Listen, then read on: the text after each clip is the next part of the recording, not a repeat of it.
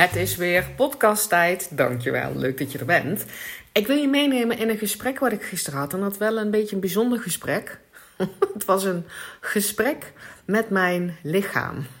Ja, je hoort het goed. Oh, en het was, een, het was niet zo'n plezierig um, gesprek, maar er was geen spel tussen te krijgen. Het was overduidelijk en ik dacht, ja, dit is... Blijkbaar ben ik nu zover dat ik kan luisteren naar mijn lichaam. Want dat zeggen ze toch altijd, hè? ja, je moet wel goed naar je lichaam luisteren. Ja, ik heb dat nooit zo helemaal gesnapt. Of eh, ja, intellectueel snap ik dat wel, maar hoe voelt dat dan en hoe klinkt dat dan en hoe doe je dat dan? En uh, um, hoe, hoe werkt dat dan voor jou? Want luisteren naar je lichaam is natuurlijk niet voor iedereen hetzelfde. Er is geen enkel lijf wat hetzelfde nodig heeft. En sterker nog, um, mijn lijf nu heeft zeker weten iets anders nodig dan toen ik 18 was, of toen ik 25 was, of toen ik zwanger was, of uh, weet ik veel. Dat is, ik wisselt waarschijnlijk per dag. Dus het lijkt me nogal een drukke bezigheid om dan maar constant te luisteren naar je lichaam. maar omdat het gisteren uh, zo'n openbaring voor mij was, denk ik, neem ik je daar wel in mee. Zeker als jij uh, ergens herkent van, nou, ik heb een uh, relatie met mijn lijf is niet helemaal top, is niet helemaal harmonieus. Ik stel daar hoge eisen aan. Uh, het is nooit goed genoeg hoe mijn lichaam eruit ziet of hoe mijn lichaam functioneert. Um, dat je een beetje een haat-liefde verhouding hebt met je lichaam. Dat je misschien voorbeelden in je omgeving hebt. Uh, of hebt gehad die, die bijvoorbeeld altijd aan dieet waren. Of dat je daar zelf mee geknokt hebt. Of dat je daar stress rondom ervaart. Denk, is het goed om dat, um, zeg maar even te luisteren hoe dat voor mij openbaart. Even een korte achtergrond. Ik heb absoluut um, een, een achtergrond met geen lekkere relatie met mijn lijf. Ik heb mijn, mijn lijf uitgehongerd omdat ik dacht dat als je maar slang bent, dan zou ik wel gelukkig zijn. Nou, dat bleek niet zo te zijn, want was gewoon best wel slang. En ook omdat ik altijd, uh, ik heb zo'n soort, soort intrinsieke een motortje om te willen bewegen, zeg maar. Ik vind sporten en bewegen vind ik fijn, dus dat heb ik eigenlijk altijd met mijn leven wel gedaan. En daardoor kon ik ook altijd, niet altijd, maar ik kon met hele periodes nou, misschien wel altijd tot nu toe, veel en veel veel meer eten. En ook veel meer meuk eten. En dan nog steeds redelijk uitzien. Uh, ik heb nooit, zeg maar, iets van anorexia gehad of, uh, of bulimia. Maar ik denk wel dat ik absoluut een eetstoornis gehad heb. Omdat, ik, uh, omdat er helemaal geen rem op zat op wat ik at. En ik dat uh, ook een hele poos gewoon gecompenseerd heb door te sporten. Dus ik heb nooit overgegeven of laxeerpillen gebruikt. Uh, maar als zeg al, dan ging ik gewoon wat meer sporten. En ik sportte altijd al heel veel. Ik ben dan zelfs wel eens een keer mee naar de GGZ is dat geweest. Omdat ik dacht, ja, ik heb hier echt hulp bij nodig. Want dit is niet oké. En daar werd ik gewoon uitgelachen, want ik had een gezond gewicht. En eigenlijk was kortom de mededeling dat ze eigenlijk niet geloofden... dat datgene wat ik opnoemde, dat ik die ochtend gegeten had, dat ze dat gewoon niet geloofden. En dat ze zeiden, als jij dat eet en je compenseert niet met door overgeven of door uh, laxeermiddelen, dan, uh, nou, dan, kan je hier niet dit gewicht hebben. nou, dat is ook echt zo'n voorbeeld van totaal niet serieus genomen worden. Terwijl ik voor mij een hele hoge drempel was om überhaupt daar aan te kloppen. Anyway, ik heb daar toen, ik dacht, nou ja, zie je wel, blijkbaar ben ik niet te helpen en moet ik het maar gewoon zelf uitvogelen. Again, ik denk dat ik toen nou oud zou zijn geweest. Ik denk dat ik mijn kinderen al had toen. Dus toen ben ik wel zeker 30 geweest. Um, maar goed, dus, dus, dus het is echt niet zo dat ik een, een, een hele goede relatie um, altijd heb gehad met mijn, met mijn lijf. Uh, en ik heb sowieso een moeder gehad die. Um, die altijd aan het diëten was en die altijd, die nooit tevreden was over haar lijf. Die ook echt zei dat ze op de weegschaal ging staan en dat ze de weegschaal haar humeur liet bepalen. En dan was het dan zelf zo dat als ze dan wel bijvoorbeeld een kilo was afgevallen, dan zei ze ja, maar dan geloof ik het eigenlijk niet. Dus het was echt, en, en tot op de dag van haar overlijden. Um, was dat het hoofdonderwerp wat zij in haar hoofd constant bezig hield. Dus dat heb ik zeg maar als dochter um, wel meegekregen. En, en toen zij um, overleden was in 2019, dacht ik echt: ik ga dit niet meer doen. Ik wil niet, ik wil toch niet zo op mijn sterfbed nog.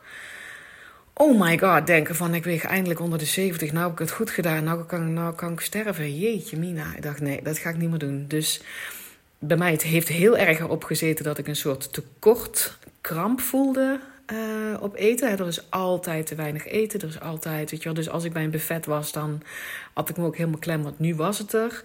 Ehm, ook zeg maar dingen niet in huis halen. Want dan eet je het ook niet. Nou, dat merkten we mij averechts, want dat triggerde die, die tekort van het is er niet enorm. Um, dus ik wist wel. Ik weet eigenlijk niet hoe ik dat wist. Zit ik nou te denken, heb ik dan ook naar mijn lijf geluisterd? Nee, ik denk dat ik dat gewoon intellectueel bedacht heb. Met mijn grootste probleem was toen dat ik daar kramp en tekort op had zitten. Van eten is iets schaars. Um, wat helemaal niet meer was op dat moment. Dat kwam gewoon uit onze opvoeding vroeger. Want mijn moeder was dus heel erg bezig met, uh, uh, met slank zijn. En zij had gewoon twee kinderen. Dus ik en mijn zus, die gewoon nogal potig waren. Gewoon lekkere, stevige, mollige kinderen. Die maakt niet uit of ze flink de griep krijgen. Die overleven het wel. Dat waren wij. En zij werd er als moeder op aangekeken. En wij mochten dus, zeg maar, door de week geen snoepje, geen toetje, niks lekkers. Um, en ik kom uit Limburg en in het weekend was het één grote Bourgondische. Dan kwam je bij, eh, bij oma en die had gewoon een hele tafel vol staan met vlaaien en daar zat daar nul rem op. Dus ik ben heel erg opgevoed met er, er is heel lang niks, totdat het er wel is en dan moet je helemaal losgaan. Um, dus daar zit dat schaarste zeg maar op. Maar dat was natuurlijk al lang niet meer toen ik gewoon mijn eigen leven leidde als volwassene. Maar dat zat er wel nog in. Dus dat heb ik besloten dat toen ik um, op, weer op mezelf ging wonen. Zo noem ik dat al wel eens. Nadat ik zeg maar bij mijn, uh, mijn ex-man wegging, dacht ik van ik ga ieder geval zorgen dat nu in mijn huis er nooit tekort is aan, aan meuk eten. Gewoon, gewoon niet. Want de, ik moet eerst af van dat krampachtige er is tekort. Dus dat heb ik uh, een hele tijd uh, gedaan. En helemaal zelf ook geen enkele regels opgelegd over wat ik wel of niet uh, mocht eten. Um, en dat zorgde inderdaad ervoor dat ik um, dat, dat, dat kramp en tekort er echt afging. Dat ik daar niet meer zo mee bezig was. Dat ik niet meer dacht van ik moet iets hebben of zo. Want het was er altijd. Dat ik daar relaxter in werd. Dat ik daar. Um, Um, nou ja, dat ik daar helemaal niet meer zoveel in tijd en energie aan kwijtraakte. En ik ben toen ook niet aangekomen. Dat is niet. Terwijl ik had dat er. Um, ik had er voor over. Dus ik denk dat ik toen al die relatie met mijn lijf zo veranderd had. Van het is voor mij belangrijker voor de rest van mijn leven dat ik afkom van die stress en die tekortgedachten rondom voeding. Dan dat ik nu een bepaald gewicht houd. Sterker nog, ik heb toen ook geen weegschaal meegenomen. Um, naar mijn, toen ik daar wegging, zeg maar, toen ik weer op mezelf ging wonen. Die heb ik nog steeds niet, dus ik weet niet wat ik weeg. Um, maar ik, dat merk je wel aan je kleding, zeg maar, hè? Of, je, of je aankomt of niet. Dat, dat kwam ik ook niet, maar dat had ik absoluut helemaal losgelaten. En uh, volgens mij heb ik dat hier al eens vaker gedeeld. Ik denk dat ik het laatste half jaar echt wel als signalen gekregen heb van uh, mijn lijf, als je het dan toch hebt over je lijf um, luisteren, dat dat het anders mag. En het gaat niet alleen op voeding, dat gaat ook op bewegen. Dat ik, um, ik denk dat ik twee jaar geleden in de overgang ben geraakt. Ja, dat weet ik nooit zeker, maar ik bedoel, toen begonnen wel wat klachten te komen. Um, en nu ook, zeg maar, afgelopen jaar is mijn lichaam gewoon heel erg veranderd. Ik weet nou trouwens zeker dat ik aan ben gekomen. Um, en uh, het hardlopen gaat niet meer lekker. Ik kom nooit meer in die lekkere flow. Uh, dus het is ook het bewegenstuk, maar het is ook dat mijn lijf veel heftiger reageert op, ja, op meuk eten. En nou, dan bedoel ik dus gewoon uh, snelle voeding. Hè? Dus de, niet alleen suikers of vetten, maar gewoon snelle voeding. Dus gewoon iets wat waar je niet hoeft klaar te maken. Wat, je, wat er gewoon al voor, voor je klaargemaakt. Mijn lijf reageert daar heftig op. Ik word daar acuut heel erg moe van. Ik, ik krijg er buikpijn van. Uh, mijn stoelgang gaat helemaal, ik weet het niet, soms heel erg snel en dan helemaal niet. Uh, ik voel ook niet meer goed of ik, of ik naar de wc moet of niet. Het is echt. En dan die energie en ik krijg hoofdpijn. Ik heb nooit hoofdpijn. En ik, ik voel het mag anders. Maar dus ook het bewegen mag ook anders. Het, het structureel hardlopen, ook niet meer lekker. Mijn lijf nu, terwijl die waarschijnlijk nu midden in de overgang zit, uh, heeft, iets, heeft andere input nodig en andere output. En dus heb ik als input over, over eten en drinken en, en output de beweging. Dat, dat mag anders. En ik zie nou gewoon ook, mijn lijf is echt veranderd als in zijn, nu ben ik wel echt aangekomen. Ik heb daar nog niet, eh, met, ik heb daar wonderbaarlijk genoeg, zit ik nou te denken, niet meteen um, last van of emotionele pijn van. Dus dan denk ik, man, dat is lekker. Dat ik dat werk heb ik gewoon gedaan. Weet je wel, ik ben nog steeds fucking trots op, op dat lijf en dat het, dat het functioneert. En dat ik. Um, ja, ik heb bijvoorbeeld. Ik kan nog steeds um, sporten en ik heb eigenlijk nooit blessures. En ja, ik weet niet, over het algemeen voelt het lekker. Maar dus het laatste jaar, maar zeker het laatste half jaar en zeker de laatste twee, drie maanden, krijg ik echt hele duidelijke signalen door. Ik krijg er gewoon last van. Het werkt niet meer, het functioneert niet meer, maar ook ik beweeg me dus inderdaad minder lekker. Ik kom gewoon bijvoorbeeld uh, uit de auto van mijn vriend, die heeft een wat lagere auto. Nee, ik kom gewoon niet makkelijk uit die auto. Oh my god, ik kom gewoon als een bejaarde uit die auto. Oh, dus dat soort signalen heb ik allemaal gezien. Ik heb ze erkend en ik heb gelaten voor wat het is. En dat ik wist, er komt een moment, dan wordt, worden dingen mij, mij helder. En ik denk dat dat ook een beetje al die boodschap van, van deze podcast is. Dat je niet meteen um, alles rigoureus hoeft te veranderen. Soms heb je ook gewoon even te zijn met een veranderende, veranderende situatie, terwijl je ook wel weet dat het niet meer klopt. dat kan dus ook op relationeel vlak zijn, maar dat kan ook in werk zijn. Soms heb je het gewoon nog even te zijn. Kijk er nog even aan. Verzamel nog wat meer data. Voordat jij enorme conclusies trekt en dingen rigoureus anders maakt. Want dan vergeten we vaak die stap van die, van die acceptatie. Van het, uh, het niet afkeuren. Dat je niet vanuit een afkeurde positie moet veranderen. Van ik zit nou in de overgang. Mijn lijf komt kilo's aan. Ik beweeg me niet makkelijk. Dit kan echt niet. Ik moet nou iets anders doen. Dus. En, en dat kan dus ook zeg maar in een relatie zijn of in werk zijn of wat dan ook. Hè? Dat je het even aankijkt, dat je er meer bent en dat je voelt wat er te voelen valt. En dat je ook erkent, ik zie het wel en ik doe er nog even niks aan. Ik denk dat dat een hele fijne, uh, meer relaxte aanloop is naar die verandering die echt wel komt. Want ja, ik ken mezelf. Er komt gewoon altijd een moment, en dat is bij jou ook, dat je wel zeg maar die openheid voelt om die verandering in te gaan. Want elke verandering zit, daar zit gewoon weerstand op van ons onderbewuste, want het is nieuw. en als jij meteen heel rigoureus en je een hele strakke schema's en je hele leven constant omgooit, um, dan train je je lijf, of je systeem, zeg maar, nog veel meer dat verandering gewoon fucking kut is. En dat hoeft niet altijd zo te zijn. Uh, en wil niet zeggen dat het in het begin altijd holla is, hè, maar gewoon dan is het niet dat, dat rigoureuze wil ik in ieder geval voor mij ervan af hebben. Dus afgelopen gisteren, zondag, um, wandelde ik naar, um, naar het voetbalwedstrijd. En toen kreeg ik echt heel duidelijk door uh, van ja, je hebt nou lang genoeg genegeerd. En dat was geen hoofdding, dat was geen intellectueel ding. Want de woorden die zeg maar in me opkwamen, of de gedachten die me opkwamen, zijn niet de dingen die ik normaal gesproken denk of weet. Dus het was net alsof mijn lijf tegen mij zegt van, hé, hey, we zijn nou hier samen. En ik heb jou tot hier gebracht. Dus mijn lijf zei tegen mij: Ik heb jou tot hier gebracht. Uh, zonder blessures, zonder uh, gekke ziektes, zonder al die meuk die jij in ons gestopt hebt. Dat was niet veroordelend, hè, maar gewoon een soort feitelijke uh, met al dat eten wat jij in, in mij gestopt hebt, waarvan je weet dat, dat, dat een lijf, elk lijf daar niet op, optimaal op functioneert, maar ik functioneer er ook niet optimaal op. Ik heb je daar nog steeds doorheen geholpen. Dus de verantwoordelijkheid lag helemaal bij mijn lijf om al die muk te verteren, uh, om dat inderdaad ook weer mijn lijf te laten verlaten, om het vet dat dan toch opgeslagen wordt, dan zeg maar onder mijn armen of op mijn rug te zetten of op mijn buik te zetten, in plaats van op mijn hart en op mijn, uh, in mijn aderen uh, en mijn organen dat ik, uh, dat ik geen blessures heb gekregen. Ik heb al die verantwoordelijkheid neergelegd bij mijn lijf. En mijn lijf zei nu: Ik heb dat 48 jaar lang voor jou gefixt. Ik heb daar nooit over gemopperd. Ik heb je daar niet in de steek gelaten. Dit is wat het is.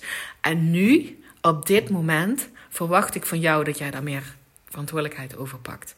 I need you. We, zijn, we hebben nu een team te zijn. Ik kan nog steeds optimaal functioneren, maar ik kan het nu niet meer weghouden van blessures. Ik kan je nu niet meer weghouden van um, dat het opgeslagen wordt in stukken in, je, in, je, in mijn lijf. Uh, waar het geen schade brengt. En dat gaat niet meer. Je mag nu, zeg maar, uh, mij iets anders gaan geven en laten we daar samen mee gaan experimenteren. Nou is dat woord experimenteren wel een woord van mij, maar al dat andere had ik er nooit over nagedacht. Toen dacht ik, ja, dat klopt. Ik weet dit al een tijdje, dat het anders mag. En nogmaals, ik heb geen pasklaar plan nu over welk eten ik er wel in ga stoppen en welke beweging ik dan anders ga doen. Ik weet dat dat een experimenteer iets is, want ik heb dat gewoon nog nooit gedaan. Dus ik ga niet van mezelf denken, dat moet nou gewoon rigoureus. Ik ga daar ook geen hulp bij vragen van een voedingsdeskundige of een diëtiste, omdat, me dat, omdat ik weet dat ik daar... Um, um, ja, ik voel, ik voel enorm dat ik daar nu al door getriggerd word. Want het woord dieet word ik enorm door getriggerd. Voeding word ik er ook al enorm door getriggerd. Omdat ik dus een achtergrond heb van dat dat gewoon niet zo lekker liep. Die kant wil ik niet op. En ik geloof ook steeds dat wij de antwoorden hebben. En natuurlijk mag je je wel laten inspireren. Nou, trouwens, je moet helemaal zelf weten wat je doet. Maar wel dus informatie eh, gaan verzamelen en laten inspireren door. Um, door hoe andere mensen het doen. En dan ga je experimenteren met dat stukje wat jou aanspreekt. En dat ga je dan een tijdje doen voordat je gaat concluderen. Uh, of uh, voordat je inderdaad gaat concluderen dat dit het beste is. Um, dus eerst doen en daarna achteraf kijken of dat inderdaad bij je past. In plaats van ellenlang vooronderzoek te doen en, en overwegen en analyseren en uitstellen. Um, voordat je in actie komt. Um, nou denk ik, ja, ik heb, de, ik heb niet zitten analyseren of overwegen hè, de afgelopen maanden, terwijl ik wel die signaaltjes kreeg. Ik heb heel bewust gekozen. Ik hoor het, het mag anders en nu nog even niet omdat ik eerst te zijn had met die nieuwe situatie. De had accepteren dat dit nu mijn lijf is. Had accepteren dat de hardlopen er niet meer gaat zoals ik dat wil dat het gaat. Ik, heb, ik had er echt eerst mee te zijn. Dat, het is niet dat ik ben, toen al ben gaan denken van... oh, het mag nou anders en ik ga allerlei methodes onderzoeken... voordat ik in actie kom. Daar was ik helemaal niet mee bezig. Ik was er, ik was er gewoon mee. Dus na gisteren, na dat gesprek, dacht ik... oké, it's real now. Dit is nu een... Ik ga niet meer mijn lijf alles zelf laten fixen en cheffen, omdat ik er maar meuk in blijf stoppen. Dus dat mijn input. Uh, ik weet heel goed dat mijn input niet meer klopt voor mij. Maar mijn output dus ook niet. Dus blijven hardlopen totdat ik een ons. Het klinkt alsof, het, of, alsof ik het voor het gewicht doe. Maar dat, dat, uh, ik heb heel lang hardlopen als, als ongeveer enige sport gehad. Uh, dat is het ook niet meer. Dus dat blijf ik niet doen nu. Nou, dus gisteren was dat moment gewoon super helder. Um, en zeg maar, de boodschap nu ook is, is dat je. Iedereen kan echt wel naar zijn lijf luisteren. En dat is niet een, um, een, een van dag tot dag ding. Je mag ook echt op vertrouwen dat jij net zo goed een lijf hebt als ik. Wat heel veel dingen voor jou regelt. Ook al stop je er verkeerd eten in, ook al beweeg je verkeerd, ook al leef je verkeerd. Jouw lijf is echt zo'n waanzinnig ding dat alles gewoon voor jou in het regelen is op de beste manier dat die kan. Weet je wel, die eeuwige, die diepe dankbaarheid voelen, dat lijf heb jij ook. En er komt een moment dat als jij jezelf gunt dat je stil genoeg wordt, dat je het, want je hebt het al lang geweten, je hebt er al een tijd mee gezien, het mag anders, er een tijd mee zijn, het mag anders, dan word je ergens stil genoeg. En ik heb dat niet bewust gedaan in deze wandeling hoor, dat kwam er gewoon. Um, en dat je hem dan gewoon heel duidelijk hoort. En dus horen is niet een, nou weet ik wat ik moet doen. Hè? Zo van, ik luister naar mijn lijf en die zegt precies, nu opstaan, water drinken. Um, maar wel ook dat ik inderdaad een soort belofte heb gemaakt van, ja, mijn lijf hoeft het niet meer alleen te doen. Echt niet. Ik mag nu ook gaan experimenteren met ander soort eten. Um, met, ik wist al meteen, water drinken is voor mij een ding. Um, dus ik ga beginnen met elke dag als ik opsta een glas water drinken. Dat heb ik dus vanochtend gedaan. Um, en dat ga ik een tijdje doen, nou, minstens zeven dagen, voordat ik eh, zeg maar ga, um, dat ga evalueren. Of het voor me werkt of niet. Want misschien werkt dat glas op, op nuchtere maag bij mij helemaal niet. En dan moet ik eerst iets eten voordat ik uh, water wil gaan drinken. Whatever. Ik noem maar iets, want ik denk dat dat best wel werkt. Uh, maar ergens beginnen. En dus ben ik ook vandaag begonnen met: oké, dat ik dus gisteravond al bedacht wat ik vandaag als eerste zou gaan eten. Want doe ik dat niet, dan kan dat gerust chips met cola zijn. En ik, ik weet, ik heb de ervaring dat mensen dat sowieso niet geloven dat ik dat doe. Maar dat is bij mij geen uitzondering. Ehm, dus wat het dan ook is wat je dan wel eet. Dus ik heb ook nul oordeel op wat iemand eet of wanneer het hij dat eet. Of, gewoon niet. Totdat ik dus nu merk dat mijn lijf tegen mij gezegd heeft: ik ga niet meer al het werk doen. Uh, als wij samen oud gaan worden, jij en ik, dan wil ik dat je zeg maar um, iets, met iets anders gaat experimenteren. En mijn lijf laat dat dan wel weten of dat goed is of niet. Hè? Of ik dan. En ik ben dus ook. Um, maar dat heb ik dus vorige week toevallig al gedaan. Dat is ook niet toevallig, maar ik wist dat ik daar klaar voor was. Dat ik een, een abonnement van de sportschool genomen heb. En daar is dan zo'n half uurtje, zo'n soort. Uh, afwisseling tussen apparaten en, en een soort cardio. En dan heb je je hele lijf even lekker gevoeld. Dat ben ik zeg maar ook gaan doen. Uh, omdat ik wist, dat, uh, die output, dat bewegen voor mij mag ook anders. En het is gewoon experimenteren, weet je wel. Ga er maar gewoon dingen doen. Maar niet vanuit hardheid, niet vanuit afkeuring, niet vanuit, maar vanuit nieuwsgierigheid. Want er is voor mij dus een nieuwe fase in mijn leven beland. Waarin mijn lichaam door een grote verandering gaat. Niet voor niks overgang. Um, maar dat kan elk moment zijn. Dat had ook zeg maar tijdens een zwangerschap kunnen zijn. Of erna. Of gewoon als je de 30 bent gepasseerd. Wat het dan ook maar is. Je voelt dat ergens wel. Dus, dus de boodschap is eerst van... kan je met een veranderende situatie even zijn... zodat je niet hard geforceerd... en vanuit afkeuring dingen gaat omgooien... Um, en dan het vertrouwen wat ik zeg maar je wil geven, is dat je het wel weet. Dat je het, dat je het, moment, het goede moment gaat vinden. Dat je, dat je het wel weet waar je moet beginnen. Of waar je kan beginnen. En dat je dan zeg maar daarna gaat evalueren. Want het is gewoon in beweging komen. En, en ik kan je ook vertellen dat daar. Um, ja, dat daar wat weerstand op gaat zitten, omdat dat niet is wat je gewend bent. Dus toen ik vanochtend eigenlijk trek had en ik bedacht dat nee, ik ga een, eh, een, toast maken met, eh, met ei en avocado. dacht ik, fuck, dan moet ik het ook nog eens gaan maken. Terwijl die chips liggen gewoon klaar en die cola ook. Um, dus het is wel weerstand, maar ik heb daar wel. Ja. Ik, uh, wil, ik wil wat de persoon zijn. die als het klopt voor mij. Wat, je, we kunnen best wel wat weerstand aan, zeg maar. Blijf maar gewoon doorademen. Dan maak die fucking toast. maak er maar een grapje van. En ga daarna evalueren. Dus, um, en, en dit, hè, zeg maar, dat, dat luisteren naar je lijf. Ik kan jou daarbij helpen. Ik kan jou helpen met leren luisteren naar je lijf. Ik kan jou sowieso helpen met het leren luisteren. Nou, dan, dat, wat jij allemaal al weet over dat ding waar jij mee in het strukkelen bent. Weet je wel, dat onderbewuste, die, die, die toegang krijgen tot het onderbewuste. En ik heb zeg maar nu ook twee cliënten die steeds opnieuw teruggeven. van het belangrijkste wat jij, waar jij mij bij helpt, is mij keer op keer helpen en het laten zien hoe ik terug kan komen bij mezelf. Terwijl je af en toe in een radeloze of wanhopige of ik weet het allemaal niet of overweldigende situatie zit. Terug kan komen bij jezelf. Dat is waar ik goed in ben. Um, en mocht je daar hulp bij hebben, dat kan dus op gebied zijn van luisteren naar mijn lichaam, maar kan ook naar gewoon jouw onderbewuste, hè, naar die potwijsheid die daar gewoon zit en die, die nieuwe wijsheid verzamelt en die constant met je communiceert. Als je daar weer toegang toe kan hebben, zodat je meer vanuit, vanuit rust en vanuit vrijheid en vanuit niet meer doen alsof, maar vanuit dit klopt voor mij, stappen kan gaan zetten. Kleine stapjes en naderhand evalueren. Hè? Voor die perfecte oplossing van tevoren zoeken. Dan stuur je mij een mail. En dan, uh, dan kunnen wij samenwerken. Ik bied op dit moment een maandtraject of zes maanden traject. En we, we kletsen eerst even online via Zoom. Om te kijken waar jij mee struggelt. En ik deel hoe ik zeg maar live coaching aanpak. En dan kijken we of dat een goede match is of niet. Yes, stuur mij een mail als je mij nodig hebt. Dankjewel voor het luisteren weer. En ik spreek jou heel gauw.